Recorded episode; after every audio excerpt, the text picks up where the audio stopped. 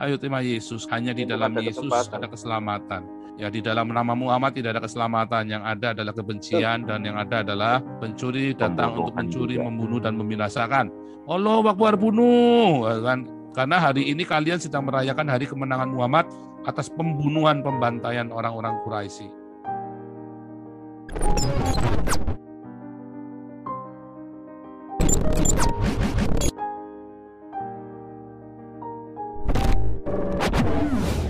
Nah ini pertanyaan saya satu Pak Paul. Gok dan Magog itu siapa sih?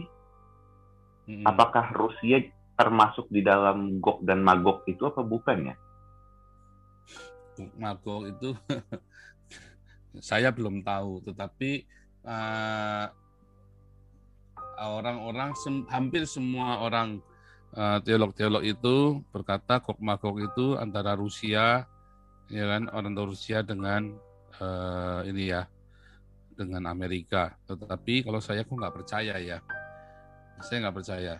Nah, cuman memang kalau kita lihat uh, Magog itu ya, Magog itu adalah orang-orang yang ada di daerah uh, utara.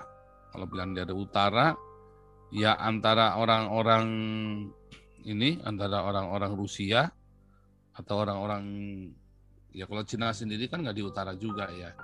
Apa itu kelompok magok tapi kalau perang akhir zaman nanti peperangan terakhir itu sebenarnya kalau kita melihat eh, Gok Magok itu nanti baru setelah kerajaan seribu tahun.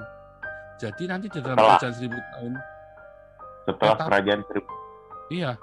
Jadi perang perang Armageddon Gok Magok itu setelah kerajaan seribu tahun. Jadi itu semua peta itu bisa berubah total dalam seribu tahun. Nggak seperti hari ini kita bayangkan. Jadi kalau Gok Magog itu menurut saya nggak bisa ditafsirkan sekarang. Karena itu masih seribu tahun lagi kejadiannya. Tapi bukannya Gok dan Magog itu di, di, disebutkan di dalam perjanjian lama, Papa, oleh ya. Nabi Nabi Tuhan pada saat itu dan kejadiannya memang di pada masa itu juga ada kan? Enggak, bukan itu kan nubuatan toh nubuatan itu bukan ada sukunya gitu. Bukan nah, ya? itu nubuatan itu yang di kok makok yang di, itu ada kok makok makanya uh, sampai hari ini pun juga tidak ter tercatatan di dalam tidak tercatat di dalam sejarah kan? Nggak mungkin sesuatu yang di dalam di ini ya uh, itu kan ada di YSKL kalau nggak salah ya di YSKL berapa itu? YSKL, yes, oke di YSKL itu ya. Itu ada sebuah nubuatan nggak mungkin uh, nggak mungkin itu tidak tercatat dalam sejarah semua yang ada di Alkitab. Karena Alkitab ini menjadi milestone sejarah. Semua orang kalau mau cari sesuatu dia cari dari ini dari uh, nah ini ya nih Yeskel 38 benar nih Yeskel ya. Datanglah firman Tuhan kepadaku hai anak manusia tujukanlah mukamu kepada Gog di tanah Magog. Yaitu raja negeri uh, yaitu Raja Agung negeri Meseh dan Tubal dan penubuatlah melawan penubuat. Nah, itu penubuatan. Itu ya. Jadi itu sebuah nubuatan. Itu bisakah mereka itu agama agama tertentu atau agama Kristen atau agama apa itu Pak Paul di, di masa mendatang itu? Uh, kalau menurut saya enggak, enggak enggak cerita begitu. Karena itu adalah Nanti kan kejadian kan itu di Armageddon itu kan. Itu nanti kejadian seribu tahun. Dalam kerajaan seribu tahun itu sudah nggak ada agama Kristen agama apa pun.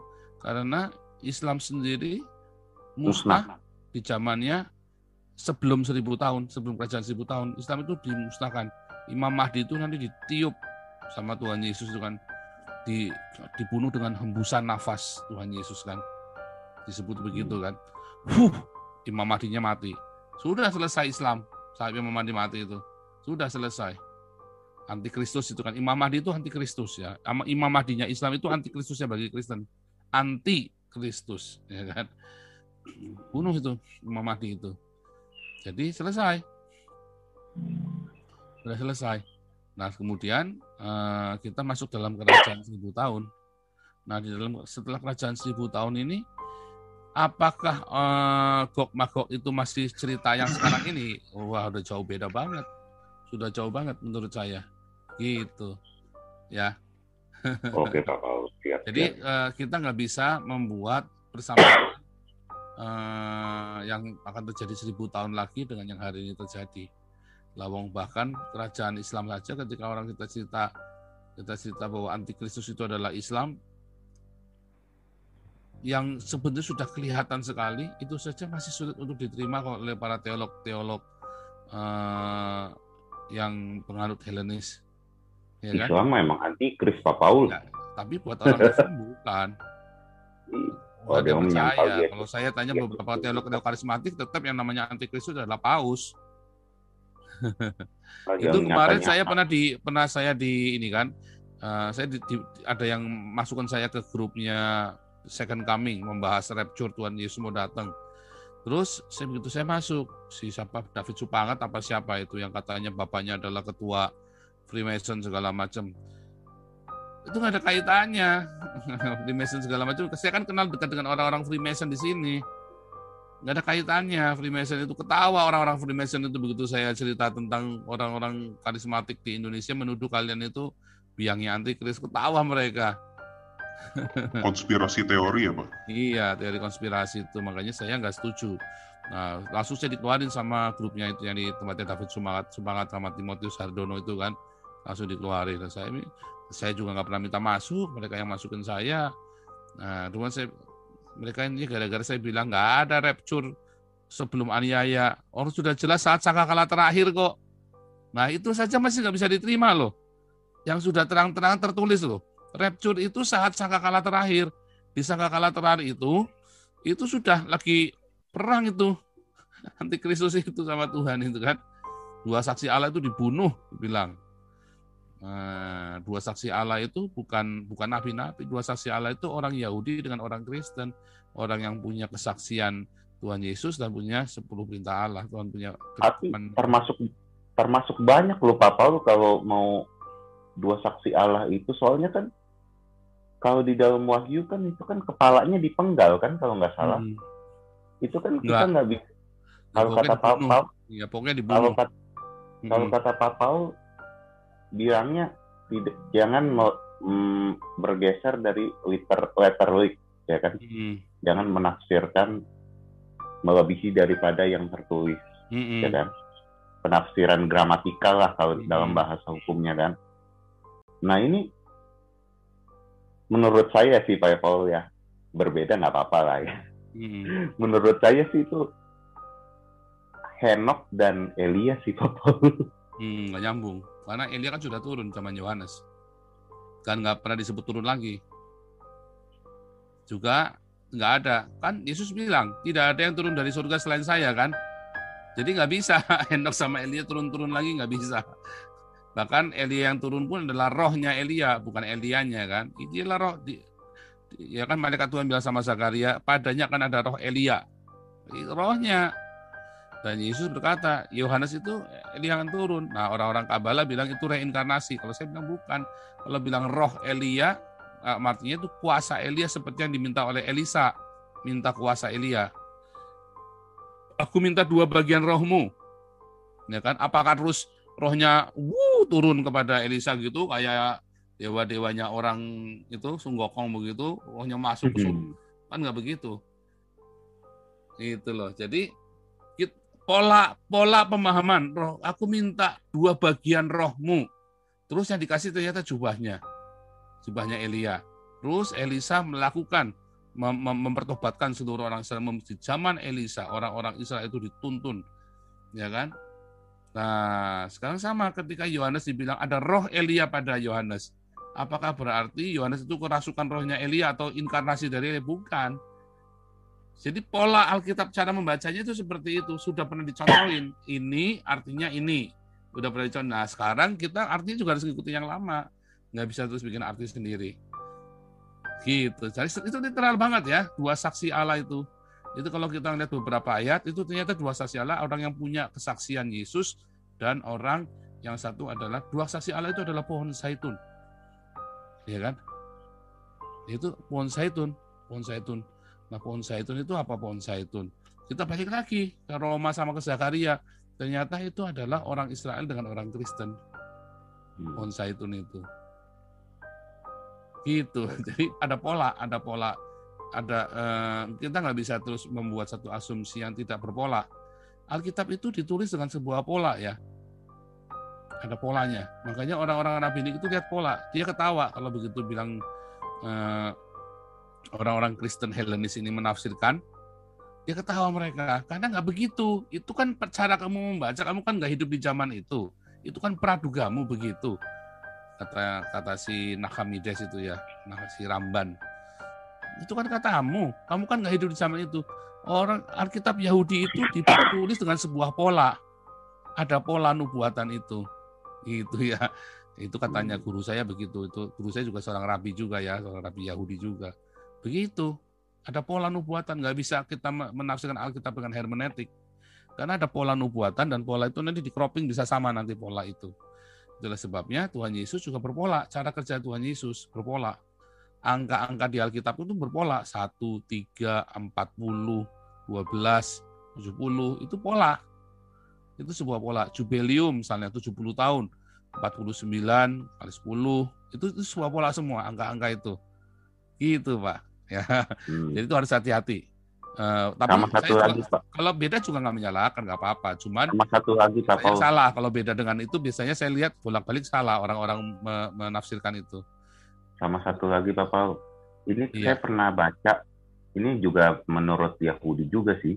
Mm-hmm. Katanya ini kan udah mendekati tahun 7000 ya menurut rabi-rabi Yahudi kan. Mm. Pak Paul pernah dengar nggak?